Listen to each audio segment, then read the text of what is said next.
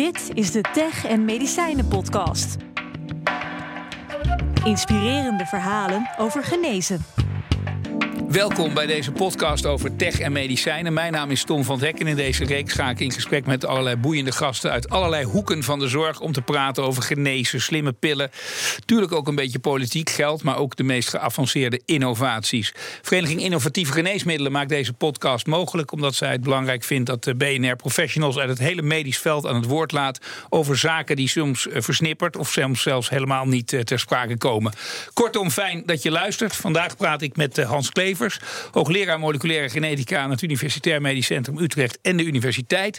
Drie jaar president geweest tot 2015 van de Koninklijke Academie van de Wetenschappen. Ook wetenschappelijk directeur van het Prinses Maxima Centrum voor Kinderoncologie.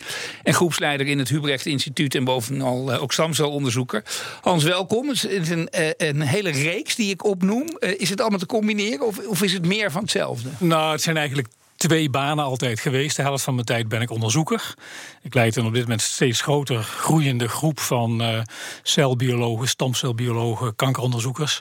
Uh, en de andere helft van mijn tijd ben ik bestuurder. Uh, dat was ik bij de KNW bijvoorbeeld en op dit moment ja. van het Prinses Maxima Centrum. Waar zit je diepste passie? Uiteindelijk bij de inhoud. Uiteindelijk ja. uh, zal ik uh, in het uh, zadel sterven, denk ik, als onderzoeker. Als onderzoeker. Ja. moleculair bioloog, van iemand die bioloog ooit wilde worden, klopt dat? Ja, dat is een lange geschiedenis. Ik, ik wilde mijn leven lang als, als klein kind al bioloog worden. Toen ik er uiteindelijk mee begon op mijn achttiende, toen viel dat ontzettend tegen. Toen was biologie nog echt uh, van het prikkenbeenwerk met kikkervissen vangen en uh, veel Latijnse namen. Um, DNA-onderzoek, wat wij recombinant uh, onderzoek noemen, dat bestond nog niet in Nederland. Nee. toen ben ik geneeskunde bij gaan doen. dat greep me geweldig aan, omdat het van dag tot dag ontzettend veel leuker is. Veel socialer dan, dan het leven in een lab, wat, wat toch behoorlijk suf is. Een beetje Jiske-vet-achtige crediteuren, debiteurenachtige sfeer. Uh, bijna medisch specialist geworden, bijna kinderarts. Uh, uiteindelijk toch nog een klein zijstapje het lab in. En toen begreep je toch, dat ben ik gewoon. Ja. En dat is zo gebleven. Dat heeft geleid tot al die activiteiten die je, die je nu doet. We gaan er een paar uithalen. Eén, de, de organoïden, kankercellen die tot weefselstukjes. We, lezen erover. Kan jij ons nu eens vertellen, wat, wat is het precies en hoe, wat is de toepassing eigenlijk? Ja, dat, dat wordt een heel kort college, vrees ik. Ja. Uh, zoals wij hier aan tafel zitten, hebben wij, bestaan wij uit allemaal uh, weefsels en organen en ja. cellen. En de meeste organen van ons lichaam kunnen zich herstellen na schade. Uh, alles verslijt, huid verslijt, haren vallen uit. daar staan we niet zonder verdediging tegenover. We hebben stamcellen in al onze organen zitten. Veel van, daarvan zijn nog niet ontdekt. Wij hebben er een aantal ontdekt, andere collega's in het buitenland ook. en wat wij eigenlijk ontdekten toen we eenmaal die stamcellen in, in handen hadden. En dat ging op een hele ingewikkelde manier, dat hoef ik hier niet uit te leggen. Maar toen bleken ze uh, heel anders dan men dacht. Eigenlijk continu actief, continu te delen. En dat zagen wij eerst in een muis en toen in een mensendarm. En vervolgens dachten we dat moeten we kunnen nabouwen. En tot onze stomme verbazing, toen we dat deden, maakten ze niet meer stamcellen, maar ze maakten een mini-darm. Dat was een totale verrassing. En diezelfde truc konden we vervolgens voor long, en die konden we voor hart, en die konden we voor lever. Uh, en dat, zijn dus, dat is gezond weefsel. Nou, toen we dat eenmaal konden, toen was kanker heel simpel. Want kanker is nou eenmaal een kankercel, is een cel die harder deelt dan een normale cel. Dus we kunnen sindsdien inderdaad van vrijwel alle tumoren in het menselijk lichaam die bij patiënten voorkomen, kunnen we en dan heb je zoiets. En, en hoe kan je het dan gaan toepassen? Wat is de volgende stap? Dat je er medicijnen op gaat testen? Dat is voor de praktijk, maar ja, de, de, gemiddelde wetenschapper doet experimenten op proefdieren, op cellen. Die ja. heeft plotseling iets in handen wat een persoon representeert. Dus zonder dat het meteen voor die persoon zelf uh, effect heeft, kan je fantastische experimenten doen die echt iets zeggen over ziekte en gezondheid in de mens en niet in een muis of een aap. Uh, dat is misschien wat verder van bed voor de gemiddelde ja. Nederlander. Heel praktisch, uh, vrijwel onmiddellijk nadat wij dit ontdekten, bleek dat je heel goed een taai slijm ziekte ja. test op kon zetten. En we hebben een grote rol gespeeld en spelen die nu formeel ook in het, uh, uh, dat hele dure middel, uh, Orkambi, ja. uh, voor taaislijmziekte, om dat aan precies de juiste patiënten te kunnen voorschrijven. Onze onze mini-darmtest is het uiteindelijk geworden. Had ook een longtest kunnen zijn. We kweken kleine beetje weefsel als mini-orgaantje in het lab van de patiënt. We kunnen dat ook invriezen. We kunnen dat over een jaar weer eens een keertje testen. En we kunnen 100% aflezen of die individuele patiënt van wie dat mini-orgaantje gegroeid is, of die gaat reageren op Orkambi of niet. En dat is natuurlijk een fantastische uh, stap. Was dat een zijstap vanuit de oncologie? Is oncologie de hoofdstap of, of is dat helemaal niet zo? Ja, wij zijn eigenlijk, als ik wij zeg, zijn dat er steeds wisselende groep jonge mensen in mijn lab geïnteresseerd in echt de basis van hoe werkt een cel nou precies. Hoe weet hij nou dat hij precies genoeg deelt om een stamcel in dat geval, om het versleten weefsel te vervangen. En als je een beetje te veel doet, dan word je een tumor, word je een polyp of je wordt een knoppeltje en uiteindelijk word je kwaadaardig. En als je te weinig doet, dan verouder je, dan verlies je weefsel en uiteindelijk ga je dood. Dus dat is een heel, heel erg diepliggend basisprincipe in de biologie. Maar dat, dat, met dat soort kennis in de hand kan je op dit moment vrijwel onmiddellijk een stap in de kliniek maken en, uh, en een toepassing uh, ontwikkelen. Als wij deze serie kijken, we hebben over immuuntherapie gehad, gentherapie. Uh, jullie met dit verhaal, kun je dit allemaal gaan combineren? Is dat uiteindelijk de sleutel tot en is het al zover? Ja, we hebben al een jaar of vijf geleden laten zien dat wij uh, organen van een patiënt met taaislijmziekte kunnen kweken. Nou, daar zit dat genfoutje in, waardoor ze die ziekte hebben. Uh, en we hebben toen met die CRISPR-techniek, uh, opzienbarende vernieuwing is dat. We zijn eigenlijk de eerste in de wereld geweest die hebben laten zien dat je in de cellen van zo'n patiënt dat je dat gen kan corrigeren. En we hebben in de vriezer op dit moment mini-orgaantjes van patiënten die we kennen. Uh, die we in principe zouden kunnen genezen met, met de eigen cellen, met het gecorrigeerde gen. Dat is gentherapie. En de, de samenwerking tussen al dit soort, is dat iets wat uh, steeds harder gaat? Of is het toch ook nog wel een concurrerende wereld van wij zijn hiervan, uh, zij zijn daarvan? Ja, er is, nou, er is veel competitie in mijn eigen veld, in het basale kankeronderzoek, stamcelonderzoek. Dat, is, dat, dat leidt eigenlijk dat is gemiddeld gezien denk ik productief. Uh, maar het leidt wel eens even tot enige vertraging, omdat iets niet gebeurt. Productief omdat je elkaar stimuleert uh, om toch ja. uh, vooraan in de race te zitten? Ja, je komt uit de sport. Je weet ja. dat, dat, dat gezonde competitie heel erg goed is, heel erg stimulerend is. En dat je soms wel eens even iemand dwars zit. Maar uiteindelijk, wij, wij kennen eigenlijk iedereen die er een beetje toe doet in ons veld rond de wereld. Soms zijn we even in competitie met een lab in Japan of in Amerika. Maar een half jaar later werken we daar weer mee samen. dus dat, dat werkt goed. Wat minder goed werkt, is dat, dat onze ontdekkingen, hè, wij worden uh, succesvol omdat we in topbladen uh, publiceren uiteindelijk. En daar eindigt vaak mijn werk. Uh, want de volgende stap betekent, nou moeten we gaan optimaliseren, we moeten er een product van maken. Dat kan ik niet meer publiceren en zeker niet hoog. Er zit helemaal geen incentive in mijn wereld om die stap te gaan zetten.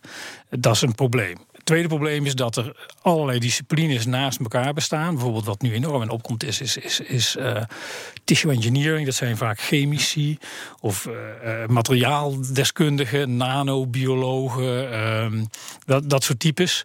Die fantastische structuren in elkaar kunnen zetten, 3D-printers en dat soort dingen. Ja. maar die de kennis van de cellen niet hebben. Andersom, wij weten alles van die cellen, maar we kunnen dat eigenlijk niet goed in een grote structuur inbouwen. Dus die velden moeten bij elkaar komen.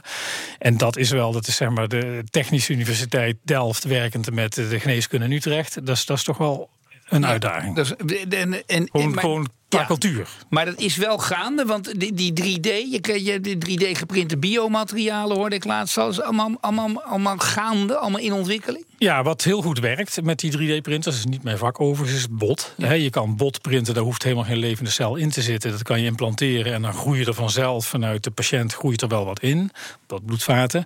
Maar bot is vooral natuurlijk een, een, een soort baksteenstructuurtje. Uh, uh, de volgende stap zou zijn dat je niet uh, bot maakt, maar dat je een stukje lever print. Nou, wij zouden dan de levercellen kunnen maken. De engineer zou de leverstructuur kunnen printen en wij zouden als het ware het gebouw, het levergebouw moeten bevolken met levende cellen. Dat kan allemaal op hele kleine schaal.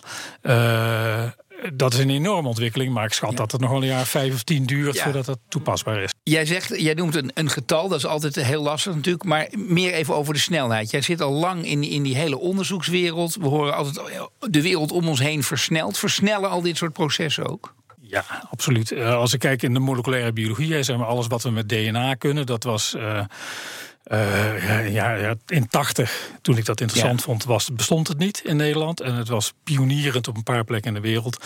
Ik zie daar elk jaar nog een twee, drievoudiging van de snelheid gebeuren. Als je kijkt puur naar het aflezen van DNA, wat wij heel de code aflezen. Ja. Nou, de prijsverlaging uh, daarin, die gaat nog steeds onwaarschijnlijk snel. En, en afgelopen jaar is hij weer in één keer door tien gedeeld. En nu kan je voor een paar honderd euro iemand zijn erfelijke code aflezen. Wat 15 jaar geleden 3 miljard euro kostte. Ik wil nog even naar het woord oncode. Dat is een soort uh, virtuele gemeenschap van allerlei toponderzoekers. Moet ik dat zo zien? Ja, dat komt een beetje terug op wat ik net zei. Dat dat voor de toponderzoekers, de basale onderzoekers, die, die echt de, de, de disruptive innovations zouden moeten bewerkstelligen, die doen dat op het punt. En ik beschouw mezelf wel een beetje in die groep. Tot op het punt dat je echt een heel nieuw inzicht hebt je publiceert je, je, je, mooie vindingen in Science of in Nature en dan ga je weer wat anders doen. Want de stappen die daarna zouden komen om daar, wat ik al zei, een product van te maken, is heel ingewikkeld. Nou, wat Oncode doet, is, is heeft een fors vrij budget gekregen. Heeft verenigd alle, de allerbeste kankeronderzoekers van heel Nederland, verschillende leeftijden. Uh, in een club. En de andere helft van het budget gaat naar Oncode. Die gaat zoeken naar, op zoek naar ontdekkingen en kijken: zit hier nou iets in wat de patiënt zou moeten bereiken? Hoe versnellen we dat? We patenteren, zetten we een bedrijf op, et cetera, et cetera. En wanneer word je lid van de club? Word je, word je uitgenodigd? Of, of... Er, was een, er is een. Uh, dus hoe het, moet ook op een manier, op een manier starten. Er zijn uiteindelijk, uh, dat is overigens volstrekt onafhankelijk gebeurd. Er is wat discussie over, over gevoerd. Er zijn uh, de vijf meest aansprekende, meest zichtbare kankeronderzoekers zijn uh, door een aantal buitenlandse gremia aangewezen. Van dit zijn ze. Het initiatief was van KBF en van drie ministeries. Uh, ik was een van die vijf. We hebben toen uh, allerlei mensen, allerlei instituten laten nomineren. En uit die nominaties hebben we uh, een beetje gespreid over leeftijden en geprobeerd te spreiden over genders. Dat is wat minder goed gegaan. Hebben we een eerste cohort van zo'n 40 onderzoekers uh, samengesteld. En er zijn nog 10, 20 plekken open. Je noemt het woord discussie. Waar natuurlijk ook wel eens discussie is, uh, is je moet niet rommelen aan de natuur. Is volgens mij zelfs een, niet rommelen met de schepping. Iets wat jij zelf volgens mij ooit nog wel eens ergens hebt laten vallen. Die grenzen daarvan, van met, met genen en al dit soort dingen. Lig je daar wel zwakker van? Of is dat voor een wetenschapper niet interessant? Ja, nee, dat is reuze interessant Alleen al omdat je graag je proeven zou willen doen die je in je hoofd hebt. En als de maatschappij tegen is of ineens ontdekt dat er dingen gebeuren die ze niet aanstaat, dan heb je een probleem. Het, is, het is wel wat ik zo wat ik geleerd heb, is dat ons vak uh, eh, 95% van alle ethische uitdagingen creëert. Hè. Elk jaar is er, kunnen we weer iets waar we niet van gedroomd hebben, wat weer echt raakt aan het, essentie van het leven. En daar moeten we met z'n allen een, uh, een, idee over hebben. Dat loopt overigens heel goed. Heel vaak op congressen heb je een sessie met ethici. Die hebben geluisterd en zeggen: Nou, doen jullie dat? Hebben jullie wel beseft dat je daarmee hè, dat en dat zou kunnen Ja, wat betrek je die erin bij, bij dit soort dingen? Heel je, actief. Ja. Wij publiceren samen hoor. We, ja. hebben laatst uh, in Science uh, echt onze organoïde technologie, waarvan wij in eerste instantie dachten: Nou, daar kan niemand tegen zijn. maar in wezen neem je een paar cellen van een patiënt en die kan je eindeloos doorgroeien. Die kan je over de hele wereld uitsturen. Iedereen kan daar dingen mee doen. Uh, rijk van worden. De patiënt kan overlijden, cellen leven nog. Een ingewikkelde ingewikkelde situatie. Want die Utrechtse organoïden die gaan de hele wereld over, hè? Die gaan, nou, we hebben dat ja, uiteindelijk... Maar, nee, letterlijk. We hebben uiteindelijk een stichting opgericht. Uh, een non-for-profit stichting. Uh, patiënten weten waar ze hun weefsel aan geven. Uh, bedrijven mogen er ook mee werken, maar het is in principe bedoeld voor universiteiten. Die bedrijven betalen dik om dat te mogen doen, dat weten de patiënten. En de stichting kan zich daarmee in stand houden. En uh, uiteindelijk hopen we dat hiermee veel nieuwe geneesmiddelen worden ontwikkeld. Die dan uiteindelijk ook niet te duur moeten zijn, natuurlijk. Ik wil ook even naar het Prinses Maxima Centrum voor Kinderoncologie. Uh, krijgt een heel nieuw research laboratorium, klopt dat? En, en, en wat wordt de focus daarvan? Ja, nou, het Prinses Maxima Centrum is, is, is toch wel een uniek experiment in de wereld. Ja. Uh, wat er gebeurt is dat zeven centra in Nederland waar kinderen met kanker behandeld werden, allemaal minder dan 100 per jaar, met 40, 50 verschillende diagnoses. Dus van sommige ziektes zag een dokter er eens in drie jaar één patiënt. Die kliniek komt helemaal bij elkaar in Utrecht. Dus al die patiënten komen op één plek. Dat is, nou, dat is nog niet eerder vertoond dat een land dat voor elkaar krijgt. Uh, het onderzoek, hè, mijn wereld, was ook reuze versnipperd. En, en doordat het zo klein was, uh, erg oppervlakkig en, en niet erg vernieuwend. Dat brengen we ook allemaal bij elkaar. Kika is de grote financier op dit moment, vrijwel de enige financier. Maar weet zoveel geld op te halen dat wij uh, eigenlijk onmiddellijk een instituut hebben. wat echt een enorme kritische massa heeft. En het grootste in, in Europa. En wat we omdat we het vers opzetten, volledig uh, kunnen integreren met de kliniek. Dus er zijn geen afdelingen. Er is gewoon één ziekenhuis. Iedereen werkt met iedereen. En dan krijg je enorme concentratie natuurlijk. Je, je krijgt veel meer patiënten, je krijgt veel meer onderzoek. Moet die kennis vervolgens ook direct het land in? Ja, uiteindelijk komen of, deze blijft die kennis nou uh, daar bij dat Maxima Centrum? Die moet de wereld in. Kijk, Europa, eh, de situatie in Nederland was zeven centra. Duitsland heeft bijna 60 centra. Die zijn nog veel kleiner dan ze in Nederland waren. Uh, wij, zullen, wij zijn straks bij uitstek binnen Europa de enige die, die echt nieuwe kennis op grote schaal kan opdoen, waar die kinderen uiteindelijk beter, beter mee behandeld worden.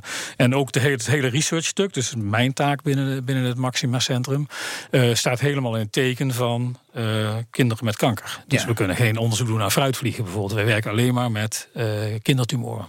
Um, je zei even iets over de financiering. Kika financiert. Is het eigenlijk apart dat het uit, uitgerekend uitsluitend door hen gefinancierd wordt? Zou je niet verwachten dat ook andersoortige partijen hierbij aansluiten? Dat zou je vinden. Nou ja, het is, uiteindelijk heeft Kika uh, het, het, mogelijk gemaakt. Kika heeft met ja. één actie bijna 50 miljoen opgehaald. En daarmee zoveel cash dat de banken bereid waren om een lening te geven. En die 50 miljoen bouwt mijn deel van het gebouw echt een heel groot, prachtig research instituut. Ze geven ook de jaarfinanciering. Dus mijn, mijn jaarlijkse budget komt, uh, komt van Kika af. We zijn in buitengewoon drukke discussie met het ministerie, omdat we het toch een beetje armoedig vinden dat als je straks het mooiste ziekenhuis van, van Europa hebt voor kinderen met kanker, dat daar geen overheidsgeld naartoe gaat. Uh, dat krijgen onze academische ziekenhuizen allemaal in zeer ruime mate. Op dit moment hebben we een kleine tijdelijke subsidie. En het ligt toch wel erg in de bedoeling dat die uh, solide wordt en, en een stuk forser eind ja. volgend jaar. Als we het over financiering hebben, komen we ook altijd op de scheidslijn tussen onderzoekers. En uiteindelijk moeten er allemaal dingen van komen. Je zei ook, wij onderzoeken dat, anderen moeten het. Hoe, hoe scheid je dat, zeg maar? Met, met, want ik neem aan die farmaceuten ook allemaal zeer geïnteresseerd zijn in een aantal dingen die jullie doen. Je bedoelt de, de commerciële. Ja, de commerciële kant uh, vanuit de, en, de, en de, de onderzoeker. De onderzoekers samen, jullie ontdekken dingen en dan? Ja, nou, wij, wij publiceren hè, en dan kan de farma-industrie kan gewoon lezen wat we ontdekt hebben en kan helemaal zonder onze betrokkenheid verder een geneesmiddel ontwikkelen. Uh, wat we proberen is, dat hebben we wel geleerd over de afgelopen jaren, dat je echt iets echt nieuwe kennis op doet, dat je die patenteert in ieder geval, dat je beschermt. Want als het niet beschermd is, zijn farmabedrijven ook veel minder geneigd om er überhaupt iets mee te doen. Uh, maar dat we, uh, de bedoeling is ook dat we langer in dat, in dat proces betrokken zijn. Nou, je noemde al Oncode. Oncode kan dat voor een deel mogelijk maken. Hè, dat we niet meteen al alles uit moeten verkopen en vervolgens uh, de farma-industrie volledig aan, aan het stuur zit. Maar dat we langer mede-eigenaar blijven en misschien de ontwikkeling kunnen versnellen, maar misschien ook de prijs uh, mee kunnen helpen vaststellen, wat, wat niet onbelangrijk is in kanker. Want dat, dat, ja, dat item komt ook altijd weer terug natuurlijk, hè? die prijsvorming. Ja, die middelen zijn, nou ja, je moet die middelen die tegenwoordig ontwikkeld zijn, zijn gewoon echt fantastisch. Die zijn ja. ontzettend veel beter dan wat er ooit was. Maar ze hebben automatisch een monopolie omdat ze zo goed zijn en omdat er patent op zit. En dan is de pricing is niet meer, uh, is niet meer wat de productiekosten, ontwikkelkosten waren, maar is echt gewoon wat, wat kan ik er maximaal voor vragen. Dat is toch een beetje de insteek van, uh, van de huidige farmawereld. En, en dat zou niet hoeven. Oké. Dan nog even terug naar een van je eerste zinnen. Um, onderzoeker en deels bestuurder. Um, geef je dat een, een soort uh, voorsprong om, om, om al jouw onderzoeksgedachten, uh, zeg maar, ook op een andere manier wat verder te laten doen komen? Want uh, onderzoekers worden nog wel eens verweten anders dat ze alleen in die kamer blijven zitten. Uh, nou, ik leer zelf in ieder geval uh, heel veel beter wat de krachten zijn waarin, uh, van een veel grotere wereld waarin je als onderzoeker een onderdeeltje bent. Andersom vind ik het een. Kijk, bestuurders, de gemiddelde Nederlandse bestuurder kijkt altijd een beetje naar beneden op de professionals en is misschien niet zo heel erg geïnteresseerd in wat die allemaal precies uitvoeren. Maar hè, laat ons maar de organisatie neerzetten, dan doen jullie je dingetje. ik denk dat het heel krachtig is voor een organisatie en wij hebben volgens mij een ideale raad van bestuur op dit moment. Als je ook mensen die actief professional zijn in zo'n organisatie mee in het bestuur hebt zitten. Het helpt dat ook om je medebestuurders uh, andere dingen te laten uh, denken of te mee te kunnen overtuigen, andere richtingen op te ja, laten gaan? Ja, wij, hebben, wij, wij zijn met z'n drieën. We hebben uh, Rob Pieters, is kinderoncoloog, heeft het hele Maxima bedacht. Die ziet nog patiënten, maar die zit ook aan de bestuurstafel. Nou, dan heb je uh, ondergetekende die nog proeven doet, uh, niet helemaal meer met eigen handen, maar wel midden in de wetenschapswereld staat en ook aan de bestuurstafel zit. En de derde is echt een, zeg maar, een professionele bestuurder, uh, Diana Monissen, waar wij weer heel veel van leren, want die kent een deel van Nederland wat mij volstrekt onbekend is. En die combinatie is, is, is fantastisch. en, en zou ik zeggen, dat zouden veel andere organisaties in Nederland ook zo kunnen inrichten. Ja, want jij zegt eigenlijk moet je die kennis koppelen, die velden veel meer aan elkaar koppelen, omdat je anders een, een te veel in, in met, met, hoe moet ik dat zeggen, schotten ertussen blijft denken? Nou, ik denk vooral dat, dat bestuurders in Nederland vaak uh, die denken dat, geen, dat dat een generieke activiteit is. Dat het niet uit dat je het ene moment een ziekenhuis kan aansturen, en dan moment een hogeschool en dan een woningbouwvereniging. En dat is niet zo. Als je niet weet wat er in jouw organisatie gebeurt in detail, in zeker detail, dan kan je niet goed besturen. Dat is het denk ik vooral. En als je actieve professionals in een bestuur betrekt, dan kan je die schotten slechter waar je het over hebt. Dan kan je zorgen dat de dokters, en dat zien we nu gebeuren, de dokters met de onderzoekers ja. kamers delen en werk delen en naar mekaars uh, interesses luisteren. En dus ook wat dat betreft uh, kennis delen en, en kunnen versnellen. Um, als jij kijkt, uh, jij ziet ook ongetwijfeld hoe we er internationaal voor staan. Je zei net in Utrecht gaan we iets unieks doen met dat centrum. Staan wij er goed op internationaal onderzoekstechnisch? Lopen wij in de voorste kolonnes mee? Ja, dan heb ik het vooral over biomedisch onderzoek. Wij zijn universitair zijn wij. Uh, hangt een beetje af waar je kijkt, maar kankeronderzoek stamt van de top van de wereld. Echt, de, waar je ook komt, men kent Nederland. Wij laten enorm veel liggen in die transitie van, uh, van die geweldige ontdekkingen naar het vervolgens opzetten van een biotech, als je dat belangrijk vindt, of het ontwikkelen van een product waar een patiënt aan heeft. Dat gebeurt niet hier. En we zien heel vaak prachtige dingen in Nederland ontwikkeld. De biotech staat in, in, Silicon Valley of die staat in Boston. En heb je daar een idee over? Zouden we dat wel moeten doen? Of zeg je nou, misschien is het ook wel prima zo? Nee, nee, dat zouden we absoluut moeten doen. En, en, en wie zou dat moeten doen dan? Uh, dan, ja, nou ja, dan valt altijd die term, die vreselijke term ecosysteem. Waar volgens mij in een echt ecosysteem iedereen, eet iedereen elkaar op. Maar nee, dat heeft te maken met natuurlijk investeringsklimaat. Met uh, uh, toch de terughoudendheid van de gemiddelde Nederlandse publieke bestuurder. om gebouwen neer te zetten. Om een beetje je nek uit te steken. Met, hè, soms staat het gebouw misschien half leeg als het toevallig financiële crisis is. Maar de keer erop heb je weer te weinig ruimte. Daar zijn we, en we zijn heel behoudend in hoe we onze onderzoekers de vrijheid geven om een beetje entrepreneur te zijn. Nou vragen wij ook altijd aan uh, iedere deelnemer aan deze podcast... of hij nog een adviesje voor onze minister Medische Zorg... in dit geval Bruno Bruins heeft. Is dit jouw advies? Wat je net zegt, is het eigenlijk al je nee, nee, nee, advies? Nee, nee, nog iets anders ik hou het heel dicht bij huis. Nee, ik denk dat het heel goed zou zijn als de minister goed zou kijken... naar uh, publieke funding van initiatieven zoals het Prinses Maxima Centrum. Ik denk dat er een absolute verantwoordelijkheid ligt... dat ook VWS investeert in zo'n instituut zoals het doet in, die, uh, in de UMC's van Nederland. Als we naar, de toekomst kijken, waar, waar, waar, ben jij het meest benieuwd naar? Of wat is hetgeen jou nu het meest bezighoudt waarvan je denkt, of daar zit een doorbraak aan te komen? Ik denk uiteindelijk dat het zit in de gentherapie. Dat toen ik het vak leerde, 30 jaar geleden, was dat al nog twee jaar, we kunnen het. Nou, we weten precies, we kunnen het uittekenen. We hebben het nog steeds nauwelijks in de praktijk kunnen brengen. Maar je denkt als dat echt landt, en dat is uiteindelijk straks een combinatie van engineering, van, uh, van bioinformatica, zoals we dat noemen, big data, van alles weten van die cellen, dat je ontzettend veel ziektes aan de wortel kan behandelen. Er zijn al mensen die nu al zeggen, uh, bijvoorbeeld kanker is een chronische ziekte geworden. Deel jij dat al? Nou, als ik naar mijn collega's kinderoncologen uh, luister, die zeggen dat is voor kinderen absoluut niet zo, want die genezen of die gaan dood. Er zit niks tussen. Ja, voor veel ziekten van ouderdom, eh, prostaatkanker of dit soort dingen. Voor veel patiënten is het, een, is het een chronische ziekte. En daar zegt men, het is natuurlijk vaak... Uh, eerst, eerst is het een dodelijke ziekte, dan wordt het een chronische ziekte... en uiteindelijk genees je de patiënten. Maar dus dat zou een tussenstadium zijn. Op het moment dat je het chronische ziekte zou noemen... zou dat ook het gevaar van kunnen zeggen van we zijn er al bijna? Of zo? Zou, zou dat gevaar er dan in kunnen sluipen? Dat, dat, dat, dat de urgentie wat afneemt? Nou, dat denk ik niet. Want ik denk als je een chronische zieke bent, dan heb je nog steeds. ga je naar je dokter toe uh, met de vraag of je toch niet echt genezen kan worden. Ja. Nou, ja. Nee, nee, dat denk ik niet. Ik nee. denk niet. Ik, het is een overstatement. Ik denk dat, dat als je zegt, uh, het wordt uiteindelijk allemaal voor iedereen een chronische ziekte.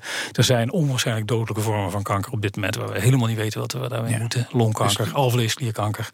Kortom, uh, genoeg werk aan de winkel. blijft genoeg werk. Nog. Zijn er nog dingen niet langs geweest waarvan jij denkt, nou, dat als ik nou toch de luisteraar nog iets mag vertellen over een ontwikkeling of zo, dan zou ik dat nog wel kwijt willen?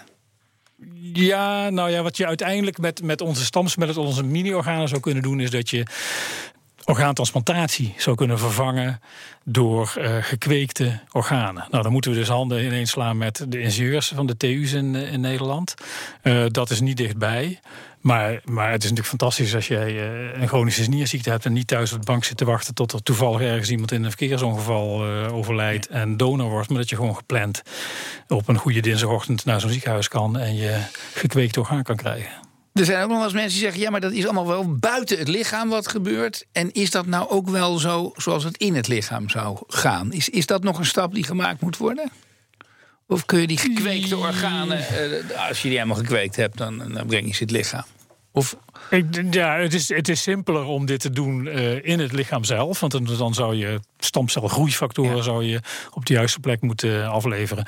Maar ik denk een, een orgaan wat echt gedestrueerd is, hè, echt een chronische vervette lever, die krijg je niet meer aan de gang. Die kan je niet meer, daar kan je niet een doorstart mee, mee bewerkstelligen. Daar moet echt een nieuwe lever in.